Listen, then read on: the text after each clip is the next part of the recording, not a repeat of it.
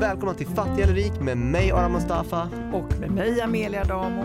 Och idag ska vi snacka om hur man ska tänka i orostider. Ett av mina favoritämnen, eller hur Amelia? Ja, och vad menar vi då med orostider? Ja, vad händer om ditt bankkort inte funkar? Vad händer om det blir krig? Vad händer om det blir eh, klimatkatastrof, ja, eller EU faller ihop? Ja. Exakt, lite domedagstema. Sånt du egentligen inte riktigt kan rå över. Och eh, för att prata om det så har vi med oss Anki Längsjö som är kontorschef för Handelsbanken i Nacka. Jajamän, det stämmer. Varmt välkommen! Tack så mycket. Och du har eh, tror jag också fått höra ett säkerhetsansvar ändå på ditt kontor när du är kontorschef för eh, Handelsbanken i Nacka? Absolut, så är det. Alltså, jag har ju liksom ansvar för både personalen, kunderna, affärerna och säkerheten och lokalen och allt. Och det är helt perfekt för ja. det är just de här frågorna vi ska gå igenom. Ja, och säkerhet är en jätteviktig fråga, inte minst på en bank. Jag tänker ju förstås på nätet. Mm. Eh, något så enkelt som ett elavbrott mm. också. Men vi är så vansinnigt beroende av att vi sköter nu nästan alla våra bankaffärer själva via datorn, via telefonen. Med BankID? Mm, med BankID, med allt sånt, eh, swishare och vad det nu kan vara för någonting. Vad händer när det ligger nere? Mm. Det är ju en jättebra fråga, för jag tror precis som du säger, alla går runt med, med telefonen i handen hela dagen och man gör allt på den. Så det är mer än bara banken som brakar loss mm. om internet ligger ner kan jag säga. Men just vad gäller banken då, då så är det ju faktiskt fortfarande så att vår nödlösning är ju faktiskt den helt eh, verkliga världen, det vill säga man tar sina, på sig sina skor och så promenerar man bort till sitt bankkontor. Och så kommer man in och förhoppningsvis har inte vi strömavbrott utan vi kan hjälpa till då om du måste göra någon betalning eller om du måste göra någon överföring eller göra någon, eh, kontrollera dina konton eller någonting sånt. Så Men handen på hjärtat, jag har faktiskt inte koll vart mitt närmaste bankkontor ligger. Ja, för jag har inte varit på en sån eh, på väldigt, väldigt länge för jag gör allt på nätet. Mm. Skulle internet ligga nere skulle min instinkt vara att testa och googla vart närmaste bankkontor ligger och sen inse att jag inte har något internet. Nej. Men, du, men du, det måste, du, kan börja idag, ta reda på det. De som lyssnar och har bara så att säga, nätbank mm. kanske ska ta reda på hur de ska göra om ja. det nu skulle bli ja. Eh, ja. det här skulle hända. Lite så är det faktiskt. Det, det, finns, det finns ju inte tillgänglighet till alla på något annat sätt Nej, än digitalt. Men det, ditt förslag är i alla fall att ta dina apostlahästar och gå ja. fysiskt till ditt Det är ju nödlösningen mm. om allting ligger nere. Så mm. är det ju. liksom. Mm. Men eh, hur, eh, hur bra koll har folk på det här? Alltså, är det helt självklart när nätet ligger nere att folk stormar mot närmaste nej, men, kontor? Nej, fast man får nog ändå säga att det ringer ganska mycket hos oss om någonting ligger nere. Eh, vi märker ju det ganska snabbt, till exempel om, om man inte kan göra kortbetalningar av någon anledning eller vissa kort funkar inte eller vissa handlare har problem att ta emot kortbetalningar. Det märker vi direkt. Då ringer de ju till oss och frågar vad de ska göra. Du, fråga bara så enkelt som strömavbrott. Jag har varit, när jag mm. varit i Afrika så, så blir det oavbrutet strömavbrott. Då har de en egen generator på hotell och sånt. Vad gör banken om ja, det är strömavbrott? Det är en bra fråga. Om man tittar på banken centralt så har ju vi givetvis backup-funktionalitet för, för strömavbrott och även backup på dator, stordatorer och allting som där alla era konton och era transaktioner ligger och bearbetas varje dag. Så där finns det liksom backup på central nivå. Och på kontoren så är det egentligen så att vår backup om strömmen går i Nacka Forum där jag jobbar totalt rubbet, då får vi helt enkelt hänvisa våra kunder till närmsta kontor i Hammarby Sjöstad eller Saltsjöbo istället. Men ni har ingen, ingen egen liten generator i källaren? Nej, vi har inte det där. Men vi, vår backup-plan, vi gör en kontinuitetsplan varje år som vi sitter och går igenom. Vad händer om? Så det är tusen frågor så som man ska mm. svara på. Och svaret på de flesta frågorna är att vår personal får bege sig till grannkontoret och så hjälper vi våra kunder därifrån. Men här blir det intressant intressant att tänka, vad händer om det här sker? Hur, hur bra förberedda är ni? Har ni gjort några äh, tester som brandövning fast ja, ifall... Oh, i skolan. Ja, exakt. Vi har säkerhetsgenomgång varje år och vissa saker går vi igenom flera gånger om året. Så vi övar ju på det. Däremot övar vi kanske inte på vad som händer om det kommer tusen kunder samtidigt. Men det är ju bara att ta en i taget och så får vi hjälpa dem i, i tur och ordning. Ja, eh, exakt. Eh, det är, jag tittar på en serie just nu. Mm. Den är en riktig rysare just för att den är så väldigt nära verkligheten och där händer precis det här att plötsligt så eh, bankkontona suddas ut mm. och människorna rusar till närmaste banken och det blir upplopp. Mm. Men hackningar, vi är ju, det är ju inte helt ovanligt att, att saker och ting hackas? Är det... Nej, jag skulle nästan säga det att en större oro än att strömmen går tycker jag är faktiskt oron för bedrägerier. För det händer ju verkligen varje dag. Eh, tyvärr. Och, och, väldigt många, eh, alltså vi ser ju de bedrägerier som händer då som gäller ditt bankkort till exempel och ditt bank-id. Och, och, där är, kan ibland förövarna vara ganska kluriga och hitta på sätt att lura en på så att man ska tro att det här känns rätt och vederhäftigt och så. Och vips så har de lurat av en en massa pengar eller ett kortnummer och så. Så där är ju verkligen så det man kan göra för att förbereda sig för det, det är att vara oerhört försiktig och aktsam med sitt kort och inte minst med sitt bank-id. Bank-id är ett id-kort. Men hur du... kan man vara försiktig ja, menar du? Alltså... För det första ska du bara använda, du ska bara använda bank-id när du vill göra någonting. Mm. Inte när någon annan säger åt dig att logga in dig på ditt bank-id. Det ska du men aldrig säger göra. ju Kivra och sånt där säger logga ja, in men på du ditt är ju, Då är du på väg in i Kivra ja. och så vill du ja, till okay. Kivra och så mm. ser du att det står jag loggar in mig mot Kivra. Det är safe. Liksom. Okay, så, så fort det står jag så är jag... Så ja, så fort det är du som liksom driver som... frågan. Men om någon ja. ringer upp dig och säger hej, det är från banken. Eh, vi skulle vilja uppdatera ditt bank-id lite. Vi måste se att allting ser rätt ut. Skulle du kunna öppna ditt bank-id på din telefon? Gör inte det. Nej. Det, banken skulle aldrig ringa och be om en sån fråga. Aldrig någonsin. Men det Utan, känns som att det är, det är väl lätt hänt att man blir stressad. Och... Men gör, lägg på och så ringer du ditt bankkontor och frågar om ni brukar ringa ut och fråga såna grejer. Då säger de aldrig gör vi det. säger de då. Men du, en näraliggande fråga det är mm. ju att de där sista siffrorna på ens kort, mm. CVC eller vad heter de? de där på baksidan. På baksidan. Mm. De är man ju ganska frekvent med. Det lämnas ju hittan och dittan för alla frågar efter det, särskilt om du ska handla på nätet och så. Ja. Skulle du avråda från? Nej, alltså det är ju lite naivt att tro att man inte ska kunna, liksom att man säger att man ska inte använda sitt kort på nätet. Då kan man inte göra någonting. Liksom. Men man ska ju vara nogsam med vart man handlar på nätet tycker jag. Man ska veta att det är en etablerad och seriös aktör. Och väldigt ofta använder de såna extra säkerhetslösningar också som gör att du får upp till exempel ett sms i din mobil mm. som du får verifiera så att de verkligen är trygga med att jo, det är du som gör den här affären. Det ska man ju liksom, det är ju bra. Det är ju bra mm. för dig som konsument. Sen kan jag tycka att om man ändå gillar liksom att handla på konstiga ställen, vad vet jag, ha ett separat kort för det då med ett konto smart. med inte så mycket pengar på. Ja. Så att skulle du bli bedragen så är det liksom inte hundratusen som ryker utan och då kan du lätt hålla koll på det kontot Men det också. var ju smart, man har alltså ett e-handelskort. Ja, då, typ. alltså, ja, det kan man ju ha faktiskt. Om man nu har ja. märkliga eh, mm. leverantörer. Ja, och då kan man också ha lättare koll på det, för ibland mm. rasslar det in en massa transaktioner bara på kontot. Så följer man inte, förr i mm. världen förde man, kass, förde man kassabok, det mm. finns ju ingen som gör idag. Nej. Men jag tror att man har inte riktigt alltid koll på transaktionerna på sitt konto. Och då kan ju det också vara ett bra mm. sätt, för då har jag att okej, okay, här är mina näthandelstransaktioner. Mm. Stämmer de liksom? Men en sak med att betala med kort det är att du inte behöver använda kontanter och de få gånger jag haft kontanter känns det som andra klassens pengar. Där, där man måste fråga om tar ni emot kontanter? Nej tyvärr inte. Nej. Det är så att de är lite mindre värde, liksom, nästan som rikskuponger en gång i tiden var. Mm. Men eh, i många andra länder så eh, är kontanter betydligt vanligare.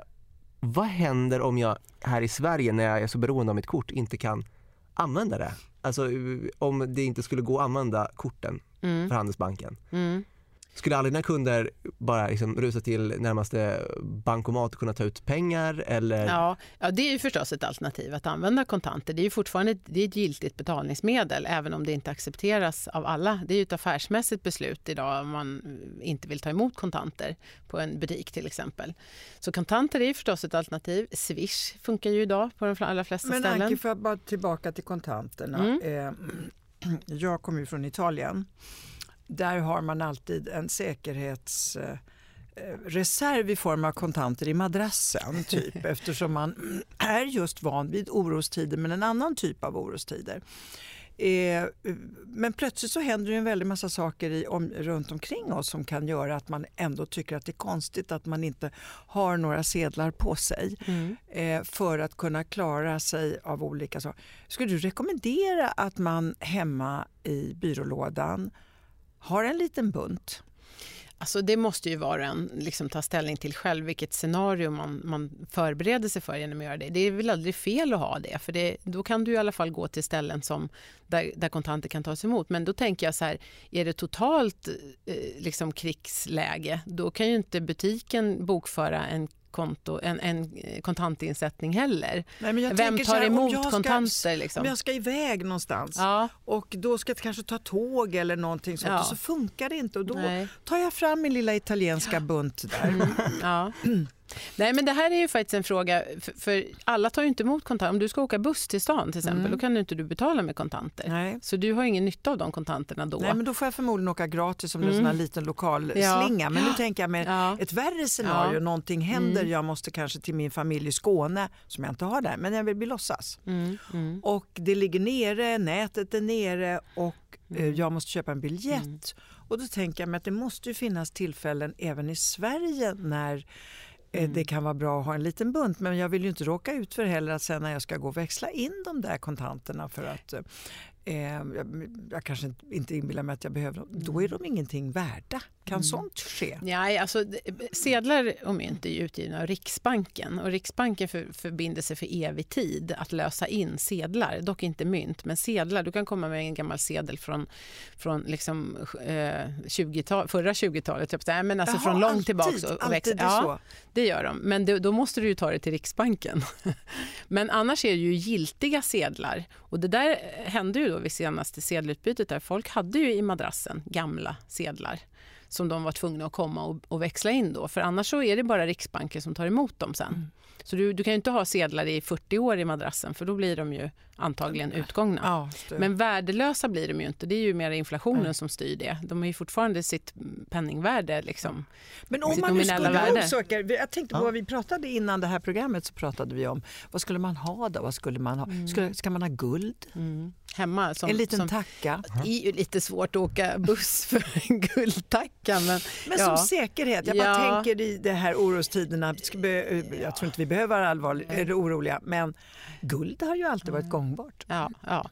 Det skulle man mer tänka som en placering i så fall, eller som en investering mm. i så fall om man vill investera Inte en fysisk tacka alltså hemma? Nej, men alltså det är ju ingen buffert liksom i en guldtacka. Det är inte så här, oj nu måste jag köpa mat. Det går Nej. ju inte. Nej, men det här var liksom men... hela det här nätscenariot, mm. att ja, det okay. sönderhackas och vad gör jag då om jag vill ha någon form utav mm. eh, valuta. Ja, ja, just det. Nej, men då, det, om man känner sig orolig för en sån situation, då, det är ju inte fel att ha några tusenlappar eller någonting sånt hemma. Men det, det är klart, man löper ju risk att bli, att bli rånad också eller få inbrott. Då. Mm. Det ska man också ta, ta hänsyn till. Det är mm. också en risk. Mm. Men det är klart, några, några pengar är väl inte så dumt att ha. Och jag kan också säga personlig erfarenhet att när man haft en sedel som gått ut, som mm. vi hade en 500-lapp, mm. eh, det var verkligen bara att skicka, liksom, till posta till Riksbanken ja. och så fick man mm. eh, motsvarande, jag tror de tog en avgift på 100 kronor. En liten avgift, ja. ja. Mm. Så det var ju lite synd, men eh, betydligt roligare att förlora 100 kronor än 500 kronor. Ja, precis. Mm. Du, jag tänkte vi skulle gå över till ett mycket aktuellt ämne som är lite oroligt kring bostäder och bostadsbubbla. Mm. Hur tänker ni? Ja, eh, det är en jätteintressant fråga. Jag ser det ju mest i det här perspektivet ur kanske ett Stockholmsperspektiv, eller ett Storstockholmsperspektiv. Mm. Eftersom, eller storstad kan man mm. säga i alla fall, eftersom det är här priserna har gått upp mest och det är i storstäderna kanske bostadsbristen är som störst. Och det är här vi har haft liksom en väldigt stor inflyttning de senaste åren.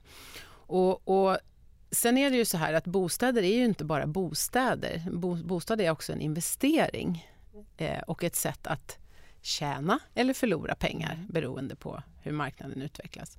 Om vi tittar tio år tillbaka i tiden till efter finanskrisen så är det ju väldigt tydligt. Bostadspriserna har ju i runda slängar fördubblats på, på de senaste tio åren. Ibland lite mer, ibland lite mindre, men ungefär fördubblats människors löner har ju inte fördubblats på tio år. De kanske har ökat med 2-3 procent om året. Så det har blivit en stor diskrepans i hur, stor, hur mycket man betalar för sin bostad i förhållande till hur mycket man tjänar.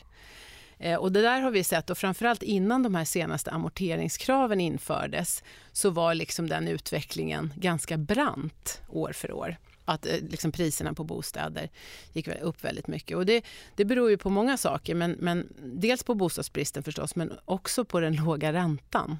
Om det kostar ingenting att låna, då kan man så låna hur mycket som helst. Så, och det är ju där man har försökt att reglera genom amorteringskrav och skuldkvotskrav och sådana saker för att liksom folk inte ska låna hur mycket som helst. Men jag måste ju nästan finnas. flicka in att alltså, i eh, Deutsche Bank skriver ju alltid varje år en uh, rapport för de största riskerna uh, för den globala ekonomin. Mm. Och för den globala ekonomin är en av de största riskerna en bostadsbubbla i Sverige, Kanada och uh, så var det något till land. Mm. Australien. Mm. Och då är det ju väldigt svårt att förstå att lilla Sveriges bostadsbubbla eventuellt skulle kunna påverka den globala ekonomin. Men är det så att vi inte förstår hur, hur eh, ur ett internationellt perspektiv, hur ja, extrem det är klart, sk. Skulle det vara en bostadsbubbla i, i, Sverige och den skulle explodera, det är klart att inte det påverkar lika mycket som det gjorde vid finanskrisen när USAs bostadsbubbla mm. sprack. Det var ju såklart en helt annan historia. Och om det är en bostadsbubbla i Sverige eller inte, det kan inte jag, det kan inte jag uttala mig om. Men jag känner ändå att jag har oroat mig i många år för den här utvecklingen och för den fartblindhet som man även som, som liksom bostadsköpare dras med i den här valsen och tänker att alla har råd. Alla har råd att köpa ett hus för 6 miljoner. Liksom. Jag tror inte riktigt att det är så att alla egentligen har det, men man har, får en känsla av att alla har råd.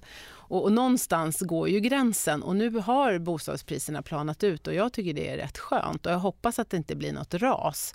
Men det är rätt skönt att det liksom har planat ut för jag tror att det liksom kyler, kyler ner folk lite. Hets, budgivningshetsen lägger sig lite och sådär. Och nu är ju folk osäkra. Om jag köper en bostad idag, kommer den att öka i värde?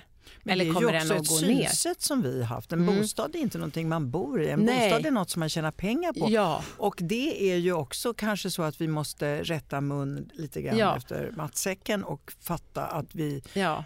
man, måste, man måste bo och betala för att bo och inte bara Nej. bostäder för investering. Där tycker jag du är på en jätteintressant fråga. För jag tycker så här, precis som du säger, man, man, ska, man ska bo men det, man ser det också som en investering mm. som man tjänar pengar på om någon tjänar pengar på något så förlorar någon annan. Mm. Och vilka är det som förlorar? Ja, det är de som är utanför bostadsmarknaden, mm. ungdomar som ska in. De kommer ju in på den här höga nivån höga. som jag har tjänat för att jag har varit med i 20 mm. år. Och så liksom, och jag håller helt med, det, det, det, det funkar inte så bra. Liksom. Frågan är bara om man kan göra den här ja. mentala förflyttningen. Men, mm, men ni kyler ju av ganska bra med era amorteringar. Ja, och, Där är ju banken... Ja, och det är ju faktiskt ett krav. Vi tyckte även innan amorteringskravet att det var sunt att amortera. Men det var ju inget lagkrav innan de här amorteringskraven kom. Utan det var mer en, en sund kreditgivning och bankerna gjorde olika. Eh, jag tycker av princip att man ska betala tillbaka pengar man lånar. Så. Men eh, ja, det känns som inte Göran som... Persson. Ja, ja. men eh, det är väl inte riktigt många som har väl den ambitionen att man kommer betala av sin eh, sin belåning på huset nej, under sin nej. livstid. Man kan inte betala av sina huslån. Men, men typ när du går i pension så är det faktiskt ganska smart om du inte sitter med lika höga bolån som när du var mitt i karriären. Varför då? Jag är ju i pensionen. Ja, men de flesta får ju ändå lite lägre inkomst ja, när man blir pensionär. Menar, av det, det är så jag menar. Ja, men det är ju fortfarande väldigt billigt att ha ja, jo, ja, för lån att räntan är låg. Amorterar. Ja, nej, men för att räntan är låg. Mm. Men om du får sämre inkomster när du blir pensionär så måste du se till att inrätta dina utgifter också efter det. Mm. Mm. Och då, om du sitter fortfarande med höga bolån, och då mm. har du en, mm. en hög månadskostnad. Men Anki, om man mm. nu har den här bostadsbubbelrisken, om man tror på den, hur skyddar man sig? Eh, ja, hur skyddar man sig? Om jag, är inne, om jag äger min bostad idag eh, Eh, och är rädd för att bostadsmarknaden är övervärderad och kommer att krascha eller åtminstone sjunka och gå ner, då är det bästa man kan göra är ju faktiskt att amortera. För då skaffar du dig en kudde eh, till en, en riskkudde. Så om, om, mitt hus faller i, i värde med 30 så, så har jag i alla fall pengar över om jag har amorterat ner till 50 säger vi. Men om jag ligger högt belånad, då har jag ju en risk. Och vad gör man om man inte ens har en bostad? Ja, nej, om man inte har en bostad och är rädd för en bostadsbubbla då skulle man vänta tills bubblan har spruckit och sen köper man efteråt. Amelia, kommer du ihåg för eh, ett år sedan hur eh, du eh, retade mig för att jag var en mambo som du kallade mig för? För jag bodde hos mina föräldrar för att spara ihop pengar så jag inte var belånad upp över öronen när jag köpte min första bostad. Kommer du ihåg det? Jag kommer absolut ihåg det och vet att den här Det var inte så dumt trots allt. Det var inte så dumt och då ska jag säga till dig, den här tv-serien, där får då det som händer i Manchester där den utspelar sig sådana konsekvenser att de måste flytta hem till mamma. Mm. de eh, klarar inte sina bostäder. Så, där, så alla samlas då hos den här mamman som har ett obelånat hus mm. som äldre människor hade förut mm. också. Mm. Men det roliga i det här är att jag trodde ju, jag, var, jag flyttade ut när jag var, blir det, 24, 20, ja. eh, nej 23 var det till och med. Och det var väldigt sent, väldigt, väldigt sent. Sen reste jag ut och träffade människor runt om i världen. De tyckte det var helt logiskt att vara kvar tills man är 26-27 och bo hos sina föräldrar. Spara och så köper man en lägenhet man verkligen vill bo i mm. istället för att köpa en trång liten första lägenhet bara för att liksom flytta så tidigt som möjligt. Så jag tycker att i efterhand Amelia, gjorde du fel? Gjorde jag helt rätt som väntade. Ja, som så jag tänkte du skulle säga jag ville vänta till fyra år till om inte alla hade tjatat på mig. Tycker till alla som är mambos, låt Fortsätt. inte Amelia tracka er. Fortsätt, spara, spara, Nej, men Sverige spara. är ovanligt tror jag att man har väldigt tidig utflyttning. Mm.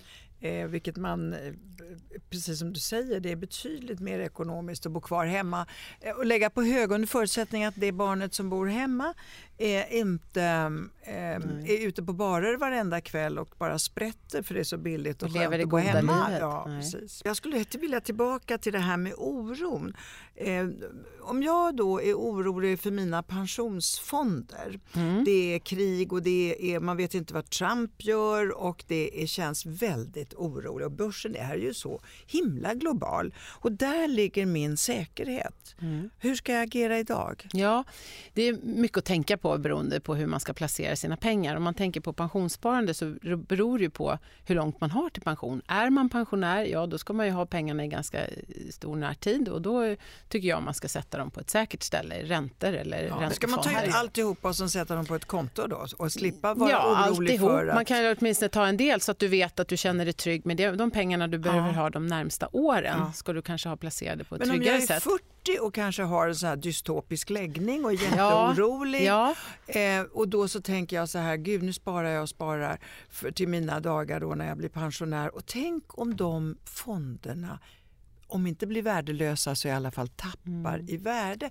Ska jag bygga någonting annat? Vad säger ni på ja, banken när ja, det kommer jag, in en sån här orolig själ? Ja, men alltså vi, vi sitter ju ner och gör en individuell rådgivning med de som kommer in som vi bokar liksom en rådgivningsmöte med. Och då tittar vi på flera olika saker. Hur gammal är du? Vad har du för ekonomi? Har du någon försörjnings... Hur ser din familjesituation ut? Eh, vad sparar du till? Hur långt har du till pension? Och hur är din riskaptit? Liksom?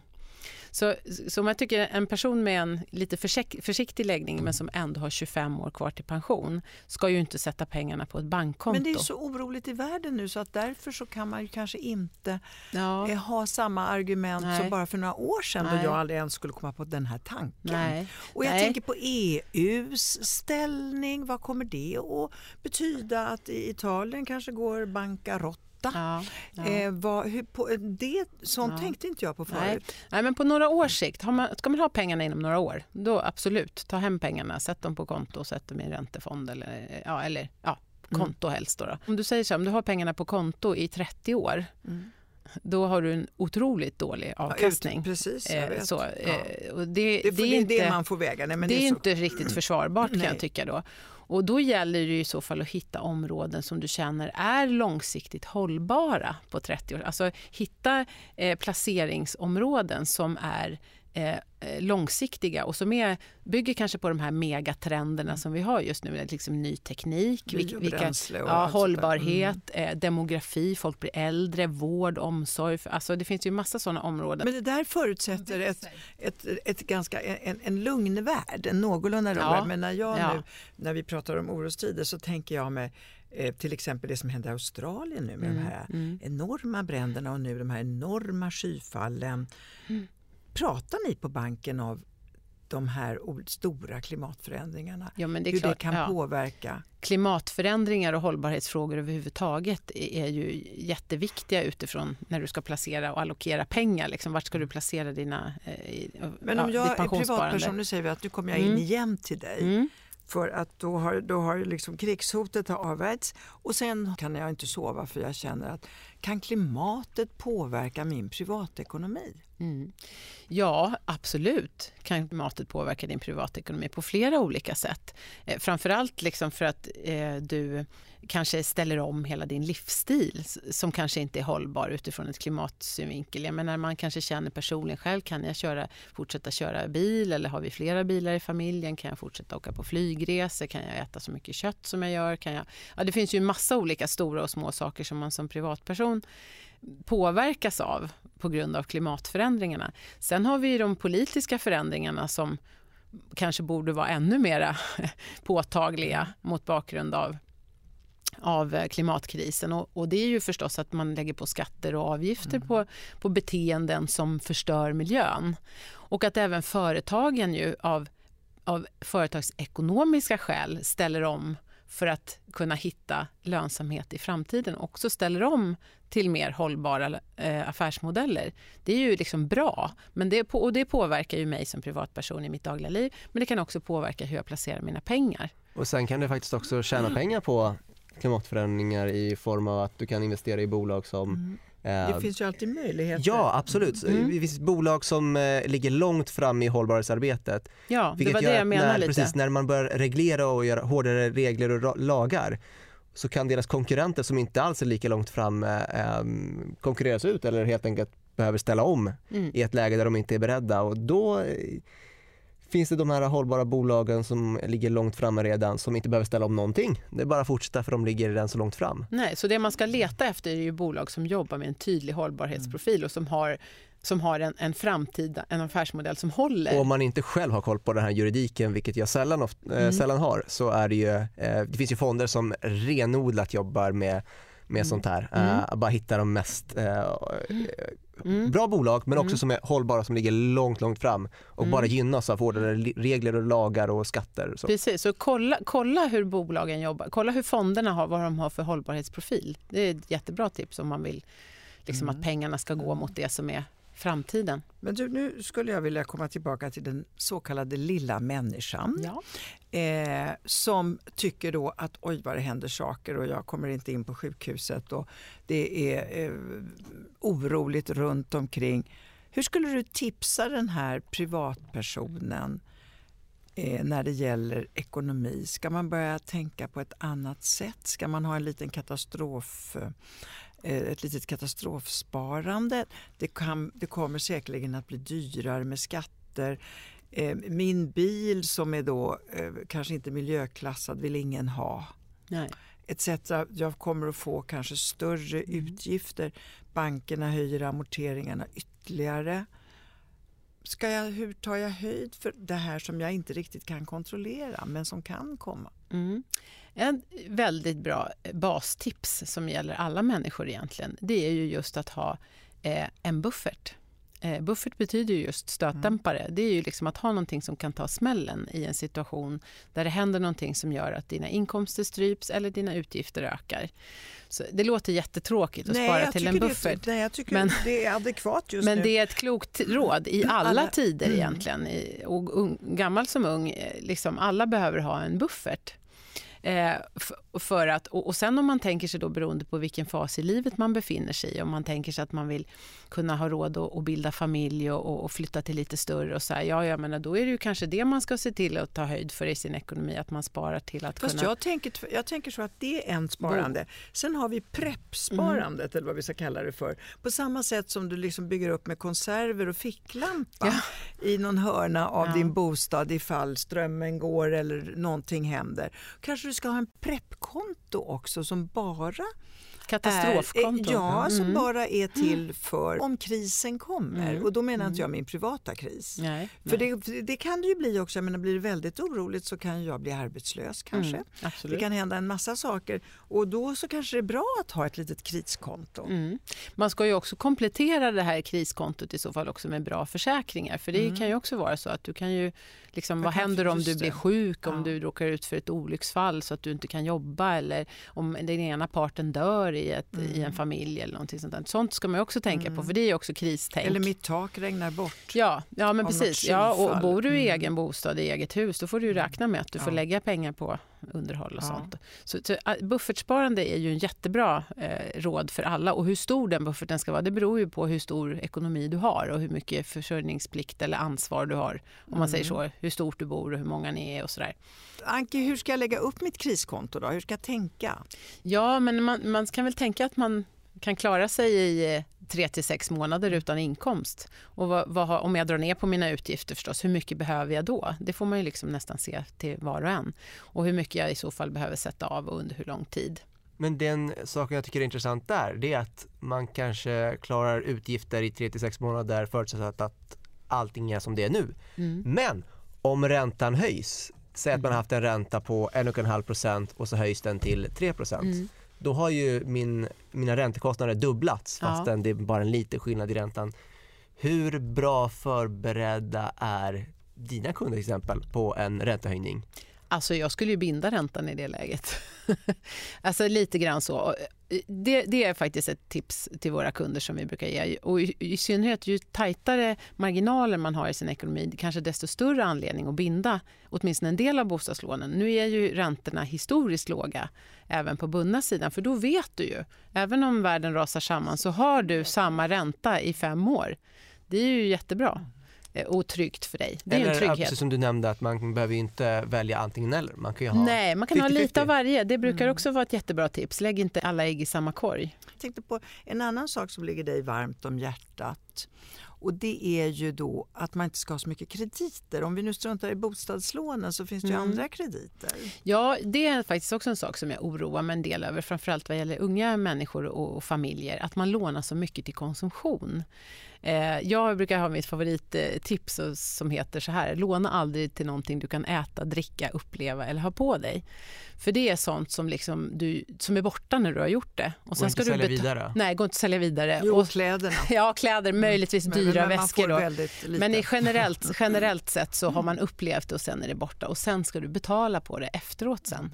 Och konsumtionskrediterna har också ökat ganska rejält bara de senaste 4-5 åren. Men är det, bara sticka in och fråga, mm. är det på grund av sms-lån och sådana där lite mer eh, sånt som vi inte borde ha? Ja, både det, både sådana små ja. lån men också faktiskt ganska stora lån och där ser man en korrelation med när amorteringskraven infördes och kravet på egen insats med 15 procent, att man, man istället tar ett, ett blankolån. Jag tycker inte riktigt att det är en bra trend för då har man inte riktigt råd. Man, man sneglar så mycket på andra, både ungdomar och vuxna och alla gör ju det. Jag vill ha samma som dem, jag vill åka till samma ställen som grannen och sådär. Och så, och så tar man lån för att kunna göra det.